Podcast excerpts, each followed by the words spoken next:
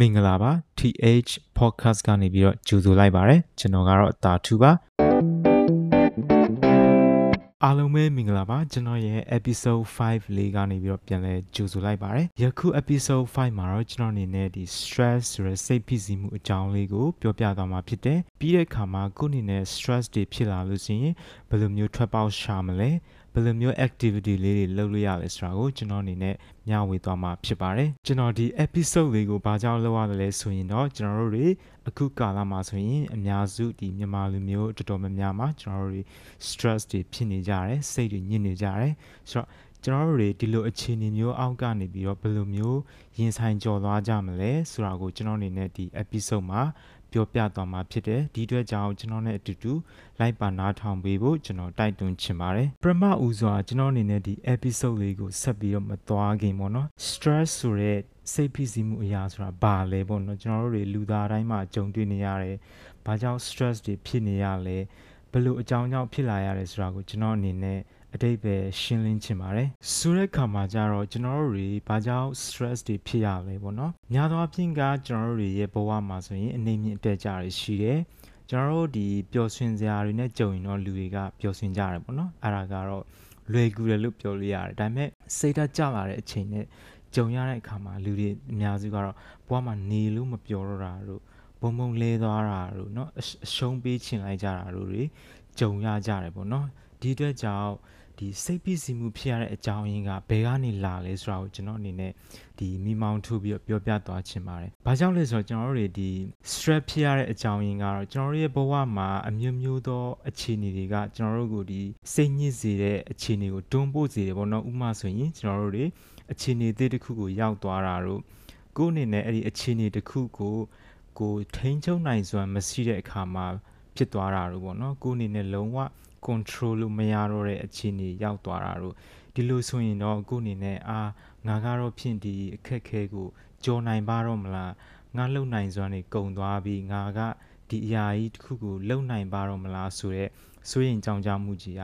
ကျွန်တော်တို့တွေခေါင်းထဲဝင်သွားတာပေါ့နော်ဒီအတွက်ကြောင့်လူတွေကအရန်ကိုမှစိတ်ဖိစီးမှုတွေဖြစ်လာတယ်ဒီအတွက်ကြောင့် ဟိုတနည်းနဲ့တနည်းကျွန်တော်တို့တွေကိုရဲ့စိတ်ဖိစီးမှုဒီဂရီကလေဟိုဆိုးရွားလာတာတွေရှိတယ်ဒါမှမဟုတ်တဖြည်းဖြည်းချင်းကိုကို realize ဖြစ်လာပြီးတော့ကိုကို overcome လုပ်နိုင်သွားတဲ့လူတွေလည်းရှိသလိုကျွန်တော်တို့တွေ stress ကြောင့်လည်းကိုယ့်ဟာကိုဖြည်းဖြည်းဖြည်းနဲ့ကိုယ့်ကိုယ်ကိုဝန်ပြီးသွားစေတာလည်းရှိတယ်ပေါ့နော်ဒီအတွက်ကြောင့်ကျွန်တော်အနေနဲ့ဘယ်လိုမျိုး overcome လုပ်လို့ရမလဲဘယ်လိုမျိုးကိုယ့်ကို realize လုပ်လို့နိုင်မလဲဆိုတာကိုကျွန်တော်ပြောပြချင်ပါတယ်ပေါ့နော်ကျွန်တော်တို့တွေဒီစိတ်ပိစီမှုဖြစ်တဲ့အပေါ်မှာပေါ့နော်တယောက်နဲ့တယောက်ကတော့အနေနဲ့အများတော့လည်းကောင်းကွာသွားတာပေါ့နော်ဒါပေမဲ့ကျွန်တော်တို့တွေဒီစိတ်ညစ်တာတွေစိတ်ဖိစီးမှုဖြစ်နေတဲ့အရာတွေကိုတော့ရင်ဆိုင်တဲ့အခါမှာတော်လည်းကောင်းပေါ့နော်ဒီကြော်ဖြတ်တဲ့အချိန်မှာတော့လည်းကောင်းကျွန်တော်တွန်းလှန်တဲ့အချိန်မှာတော့လည်းကောင်းကလူတွေကတူးနဲ့တူးဘယ်ပေါ်မှာမူတည်သွားလဲဆိုတော့ကျွန်တော်တို့တွေရဲ့ဖြတ်တန်ခဲ့တဲ့ဘဝတွေ ကျွန်တော်တို့ရဲ့မတူညီတဲ့မျိုးရိုးဗီဇတွေပေါ့နော်ကျွန်တော်တို့မှာမတူညီတဲ့ကိုယ်ရည်ကိုယ်သွေးတွေဒီ personality တွေပေါ့နော်တူနဲ့တူကမတူကြဘူးပြီးတော့လေကျွန်တော်တို့ရဲ့လူမှုရေးနဲ့စီးပွားရေးအခြေအနေတွေကလည်းတဦးနဲ့တဦးမတူညီကြတဲ့အတွက်ကြောင့်ကျွန်တော်တို့မှာဒီစိတ်ဖိစီးမှုကိုတွန်းလှန်တဲ့အခါမှာလည်း ဒီအခြေအနေတွေကကွဲပြားသွားနိုင်တယ်ပေါ့နော်ဆိုတော့ကျွန်တော်လိုရင်းတူရှင်းကိုပြောရရင်ကျွန်တော်တို့တွေမှာဘာကြောင့်စိတ်ဖိစီးမှုတွေဖြစ်ရလဲပေါ့နော်ဘယ်လိုအကြောင်းအရာတွေကြောင့်ကျွန်တော်တို့တွေစိတ်ဖိစီးမှုဖြစ်ရလဲစိတ်ညစ်ရလဲပေါ့နော်ဆိုတဲ့အခါမှာများသောအားဖြင့်ကကျွန်တော်တို့ရဲ့ဘဝမှာအဆင်မပြေဖြစ်လာလို့ရှိရင်ပေါ့နော်ဥပမာဆိုရင်ကျွန်တော်တို့တွေဒီအိမ်တောင်ကြီးကွဲသွားတာတို့အလုပ်တွေရှုံရှုံလိုက်ရတာတို့ဒီမလိုလားအပ်တဲ့ငွေရေးကြေးရေးကိစ္စတော့လည်းကောင်းပေါ့နော်ပြဿနာတွေဖြစ်လာတာတို့ ကျောင်းလျှောက်တယ်ကျောင်းမပါဘူးပေါ့နော် scholarship တွေလျှောက်တယ် scholarship တွေ reject လုပ်ခံရတယ်ဒါမှမဟုတ်ကိုယ့်ရဲ့ relationship မှာလည်းပြဿနာအဖုအထစ်တွေရှိနေတယ်စားရစားရအများကြီးပေါ့နော်ဒီကျွန်တော်တို့တွေမနှိမ့်ညွတ်တဲ့အရာတွေနဲ့ကြုံတွေ့လာရတိုင်းမှာကျွန်တော်တွေစိတ်ဖိစီးမှုတွေဖြစ်လာတယ်ပေါ့နော်ကျွန်တော်တို့တွေမှာပေါ့နော်ကိုမလိုချင်တဲ့အရာတွေနဲ့ကြုံတွေ့လာတဲ့အခါမှာစိတ်ဖိစီးမှုဖြစ်တယ်လို့ထူးခြားတာကသူတည်တနာတွေအရာပေါ့နော်ကျွန်တော်တို့တွေ ဒီအပေါင်းလက္ခဏာဆောင်တဲ့အရာတွေနဲ့ကြုံတွေ့လာလို့ရှိရင်လေတဲ့ stress တွေဖြစ်တတ်ပါတယ်တဲ့ဥပမာဆိုရင်ကျွန်တော်တို့တွေဒီအိမ်တသေးလေးကနေအိမ်ကြီးကိုပြောင်းလိုက်ရတာတို့ပေါ့နော်ဥပမာဆိုရင်နိုင်ငံခြားကိုကြောင်းသွားတက်ရတာတို့ပြီးလို့ရှိရင်လည်းကျွန်တော်တို့တွေဒီအားလာရဲ့ခရီးသွားတာတို့နေရာတစ်ခုကနေတစ်ခုကိုပြောင်းလိုက်တာတို့ဒီအရန်ကြီးကိုယ့်အတွက်ကြည်ကြည်မာမာမဟုတ်တဲ့အရာလေးတွေပေါ်မှာလည်းကျွန်တော်တို့တွေက ဒီစိတ်ဖိစီးမှုလေးတွေကြုံကြိုက်ကြုံရတတ်တယ်ပေါ့နော်ဒီအတွက်ကြောင့်ကျွန်တော်တို့တွေ ਨੇ ဒီလိုမျိုးအရာတွေကိုတော့ကိုယ်အနေနဲ့တော့တစ်ခါလေးနားမလဲတာတို့ဖြစ်တတ်ပါတယ်ပေါ့နော်ကျွန်တော်တို့တွေမှာစိတ်ပိစီမှုဖြစ်လာလို့ရှိရင်ခံစားရတတ်တဲ့လက္ခဏာလေးတွေရှိတယ်ပေါ့နော်အဲ့ဒါလေးတွေကတော့ကျွန်တော်တို့တွေမှာစိုးရင်ကြောင်ကြမှုဖြစ်နေမယ်ပြီးလို့ရှိရင်ကြောက်ရွံ့နေမယ်ဒါမှမဟုတ်စိတ်တူနေမယ်အမြဲတမ်းရန်လိုမှုတွေဖြစ်နေတဲ့ခံစားမှုမျိုးရမယ်ပြီးတဲ့ခါမှာဆိုရင်ဝမ်းနည်းနေမယ် ဒါမှမဟုတ်ကတိကအောက်ဖြစ်နေတတ်မယ်စိတ်အလိုမကျဖြစ်နေမယ်ပြီးလို့ရှိရင်လည်းကျွန်တော်တို့တွေစိတ်ဓာတ်ကြတာတွေကိုလည်းကြုံရနိုင်တယ်ပေါ့နော်ဒီလိုမျိုးခံစားချက်တွေကတော့ကျွန်တော်တို့တွေစိတ်ပိုင်းဆိုင်ရာရုပ်ပိုင်းဆိုင်ရာကိုလည်းထိခိုက်စေတတ်တာကိုကျွန်တော်တို့တွေ ਨੇ တတိထားရမှာဖြစ်ပါတယ်ကျွန်တော်တို့တွေမှာစိတ်ပူစီမှုဖြစ်လာပြီဆိုရင်ဘယ်လိုမျိုးကြုံရတတ်လဲဆိုတော့ကျွန်တော်တို့ရဲ့ခန္ဓာကိုယ်မှာခေါင်းတွေမူးလာမယ်ပြုတ်အန်ချင်တယ်လို့အော်အန်ချင်တယ်လို့ဖြစ်လာမယ်ပြီးလို့ရှိရင်လည်းအစာမကြေဖြစ်လာမယ် အစာချစ်ဖြတ်မှုကိုလည်းတနည်းတစ်ဖုံဒုက္ခပေးလာမယ်ဥပမာဆိုရင်ကျွန်တော်တို့တွေဝန်းသွားတာတို့ဖြစ်လာလိမ့်မယ်ပြီးလို့ရှိရင်လည်းအသက်ရှူရခက်တာတို့အသက်ရှူကြက်တာတို့ပြီးရင်ချွေအရန်ထွက်တာတို့ပြီးလို့ရှိရင်လည်းနှလုံးခုန်နှုံကပုံမှန်ထက်မြန်နေတာတို့ပုံမှန်ဖြစ်နေခြင်းမဟုတ်တော့တာတို့ပြီးတဲ့အခါမှာကျွန်တော်တို့ရဲ့ခန္ဓာကိုယ်ကလည်းကိုလက်ကိုက်ခဲတာတွေမူးဝေတာတွေအော်အန်တာတွေကြုံရတတ်ပါတယ်ခုနကျွန်တော်အထက်မှာပြောသွားခဲ့တဲ့လက္ခဏာတွေခံစားမှုတွေ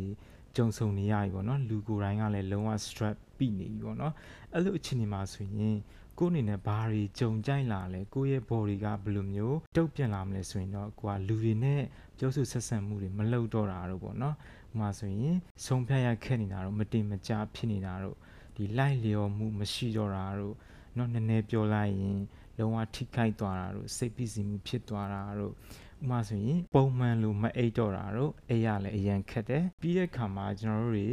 အလွန်အကျွံဆေးလိပ်တောက်တာတို့အရက်တွေကိုအလွန်အကျွံတောက်တာတို့ဒါမှမဟုတ်တခြားသောဆေးဝါးတွေကိုလွန်ကဲစွာသုံးစွဲတာတို့တွေဖြစ်လာနိုင်တယ်ပေါ့နော်ခုနကျွန်တော်ပြောခဲ့သလိုပဲပေါ့နော်ကျွန်တော်တို့တွေလုံးဝ stress တွေပြီးသွားပြီး ဒီစိတ်ဖိစီးမှုကာလကလည်းကြာစီစွာခံစားနေရပြီဆိုရင်တော့ကျွန်တော်တို့ဒီတာမန်လူလိုတော့ကျွန်တော်တို့လုံးဝလှုပ်ဆောင်နိုင်တော့မှာမဟုတ်ပေါ့နော်ဥပမာဆိုရင်အိတ်ချိန်မမှန်တော့တာတို့ကျွန်တော်တို့ရဲ့မှတ်ဉာဏ်တွေကိုထိခိုက်လာတာတို့အစာအသောက်တွေကိုလည်းပုံမှန်မစားတော့တာတို့ပြီးတော့လည်းကျွန်တော်တို့လှုပ်ရှားမှုတွေပုံမှန်မလုပ်တော့တာတို့ခုအနေနဲ့ပြောမှဆိုရင်လှုပ်လေးလှုပ်ထရှိခဲ့တဲ့အရာတွေကို ကိုမလောက်တော့တာတို့အဲ့လိုမျိုးတွေဖြစ်သွားတတ်တယ်ပေါ့နော်ကျွန်တော်တို့တွေ stress ကိုဒီစိတ်ဖိစီးမှုကိုပေါ့နော်လူတော်တော်များများမှာကြုံတွေ့ရနိုင်တယ်အထူးသဖြင့်အခုလိုကာလမျိုးမှာကျွန်တော်တို့ဒီမြန်မာလူမျိုးတွေမှာပေါ့နော် stress တွေပိုပြီးတော့ကြုံတွေ့ရနိုင်တယ်ပေါ့နော်ဒီအတွက်ကြောင့်ကျွန်တော်တို့တွေအချင်းချင်းဖေးမကူညီဖို့လည်းလိုတယ်ပေါ့နော် ကိုအနေနဲ့ဒီစိတ်ပစ္စည်းမှုဖြစ်နေပြီဆိုရင်လည်းကိုကိုယ်တိုင်သိအောင် aware လုပ်ဖို့လည်းလိုတယ်ပေါ့နော်ဒါမှလည်းကိုအနေနဲ့ဒီလိုအပ်တဲ့အကူအညီတွေကိုကိုကိုပေးနိုင်တဲ့လူတွေစီကနေတောင်းခံလို့ရမှာပေါ့နော်ဒီကျွန်တော်တို့တွေစိတ်ဖိစီးမှုဖြစ်လာတဲ့အခါမှာကိုအနေနဲ့ဘယ်လိုမျိုးကူညီလို့ရလဲပေါ့နော်ဆိုတဲ့အခါမှာဆိုရင် ပထမဦးဆုံးအရေးကြီးဆုံးအချက်ကတော့ကိုယ့်အနေနဲ့အတိုင်းအတာတစ်ခုဒီဘလောက်ဒီ stress level ရောက်နေပြီလဲပေါ့နော်ကိုကဒီခံစားမှုမျိုးကိုဘလောက်ကြကြကိုခံစားနေရပြီလဲပေါ့နော်ကိုအနေနဲ့ကိုကိုကူညီပေးနိုင်မဲ့တငယ်ချင်းမိတ်ဆွေတော်၎င်းဆရာဝန်တွေကိုလည်းကျွန်တော်တို့တွေတွားပြီးတော့တွေ့ဆုံတာတို့ဒါမှမဟုတ် mental health professionals တွေနဲ့တွားပြီးတော့တိုင်ပင်တာတို့လည်း ပြုလုပ်လို့ရတယ်ပေါ့နော်နောက်တစ်ချက်ကတော့ကိုခင်မရတဲ့လူတွေပေါ့နော်ကိုရင်ဖွင့်လို့ရတဲ့မိတ်ကောင်းဆွေကောင်းတွေလည်းထားရှိဖို့အရေးကြီးတယ်ပေါ့နော်ဥပမာဆိုရင်ကိုအနေနဲ့ဒီ feeling တစ်ခုဖြစ်နေတဲ့အဲ့ပေါ်မှာကိုကိုပဲမျိုးသိပ်တာမယ်ဆိုရင်ဒါကြာလာလို့ရှိရင်ဒုက္ခရောက်သွားနိုင်တယ်ပေါ့နော်ဒီအတွက်ကြောင့်ကိုအနေနဲ့ရင်ဖွင့်လို့ရတဲ့လူတွေလိုအပ်တယ်ပေါ့နော် ဒါမှမဟုတ်ကိုအနေနဲ့ရင်ဖွင့်လို့မရဲဘူးဆိုရင်လည်းကိုအနေနဲ့ဒီခုနပြောတဲ့ online ကနေပြီးတော့ assistant တွေယူတာတော့ကိုအနေနဲ့ဒီ mental health professional တွေနဲ့ဆုံတွေ့တာတို့ကိုလည်းလုပ်လို့ရတယ်ပေါ့နော်နောက်ထပ်အရေးကြီးတဲ့တစ်ချက်ကိုပြောရရင်ပေါ့နော်ကျွန်တော်တို့တွေအစာအသောက်ကျန်းမာရေးနဲ့ညီညွတ်စွာစားသောက်ဖို့လည်းအရင်အရေးကြီးတယ်ပေါ့နော်ဘာကြောင့်လဲဆိုတော့အခုခေတ်မှာဆိုရင်ကျွန်တော်တို့ရဲ့ဘေးပတ်ပတ်လည်မှာဆိုရင် junk food တွေ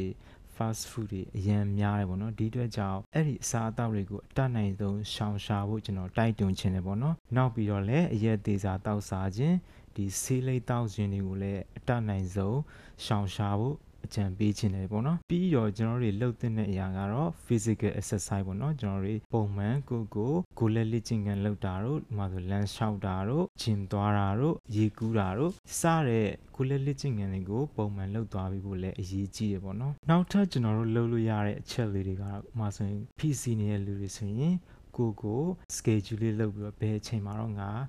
နားကိုနားရမယ်ဘယ်အချိန်မှာအလုံးငါပြန်စရမလဲဆိုတော့ time table လေးတွေဆွဲရင်တော့ပို့ပြီးတော့ကောင်းတယ်ပေါ့နော်ပြီးလို့ရှိရင်လေကိုကို mindful ဖြစ်ဖို့အရန်အရေးကြီးတယ်ပေါ့နော်ကိုကအလုံးလုံးနေပါရဲ့ကိုက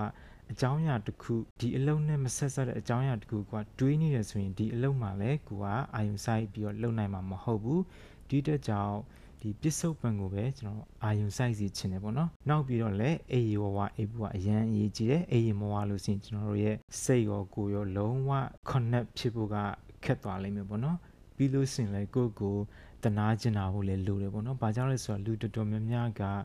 ကိုယ့်ကိုဘာကြောင့်ဒီဘေးချနှံချက်တဲ့အခြေအနေအောက်ကိုကိုယ့်ကိုဆွဲသွင်းကြလဲဆိုတာကိုကျွန်တော်အနေနဲ့ ဟိုစဉ်းစားစေချင်တယ်ပေါ့နော်။ဘာကြောင့်ကိုက every moment ပေါ့နော်ဒီ second တိုင်း minute တိုင်းကိုကိုကပျော်ရွှင်မှုနဲ့ပဲအဆုံးသတ်သွားမှာလားစိတ်ပင်ပန်းစွာနဲ့ပဲအဆုံးသတ်သွားမှာလားဆိုတာကိုပြန်ပြီးတော့တွေးတောစေချင်ပါတယ်စိတ်ဖိစီးမှုတွေပေါ့နော်ကျွန်တော်တို့စိတ်ညစ်တာတွေတက်တာစေဖို့ညော့နေစေဖို့ကျွန်တော်ကိုယ်တိုင်လှုပ်ဆောင်နေတဲ့အချက်၃ချက်လေးနဲ့လည်းကျွန်တော်မျှဝေချင်တယ်ပေါ့နော်အဲ့ဒါကပထမအချက်ကတော့ကျွန်တော်အနေနဲ့ညစဉ်ညတိုင်းပေါ့နော်ကျွန်တော် တအား de ၍ကျွန်တော်မိနစ်15မိနစ်ကနေမိနစ်20ကျွန်တော်တရားထိုင်ပြတဲ့စိတ်ကို focus ရအောင်လုပ်တယ်ပေါ့နော် mindfulness ဖြစ်အောင်ပြန်လုပ်တယ်နောက်ပြီးတော့ကျွန်တော်အနေနဲ့လည်းအချိန်အားရင်အားသလိုစာဖတ်တယ်ပေါ့နော်ဘူတုတာတွေလေ့လာလိုက်စာဖြစ်တယ်မှာဆိုရင်ကိုနင့်သက်တဲ့စာအုပ်လေးတအုပ်အဲဝယ်ပြီးတော့ဖတ်တာတို့ဒါမှမဟုတ် online ကရှိတဲ့ article လေးတွေကိုသွားဖတ်ပြီးတော့ဘူတုတာလေးတွေကို အဲရယူတာတို့လုပ်လို့ရတယ်ပေါ့နော်နောက်တစ်ချက်ကကျွန်တော်တို့တွေဝါသနာပါတဲ့အရာတစ်ခုကိုလုပ်တင်တယ်ပေါ့နော်ဥပမာဆိုကျွန်တော်ဆိုရင်စာရေးရတာဝါသနာပါတယ်ဆိုရင်ကိုအနေနဲ့လာ translation work လေးတွေကိုကိုလုပ်မယ် အဲဥမာဆိုရင် article လေးတွေကိုရေးမယ်ဒါမှမဟုတ်ကိုအနေနဲ့ပကြီးဝါနာပါတယ်ပကြီးဆွဲရတာကိုကြိုက်တယ်ဆိုရင်ကိုအနေနဲ့ပကြီးဆွဲမယ်ဒါမှမဟုတ် music သမားဆိုရင်တော့ music တွေလေ့ကျင့်မယ်စသဖြင့်ကျွန်တော်တို့တွေအများကြီးအများကြီးလုပ်လို့ရတယ်ပေါ့နော်ဒီအတွက်ကြောင့်ကျွန်တော်ရဲ့အချိန်တွေကိုအကျိုးရှိရှိနဲ့အသုံးချသွားဖို့ကျွန်တော်တိုက်တွန်းရင်းနဲ့ဒီ episode လေးကိုအဆုံးသတ်လိုက်ရပါတယ်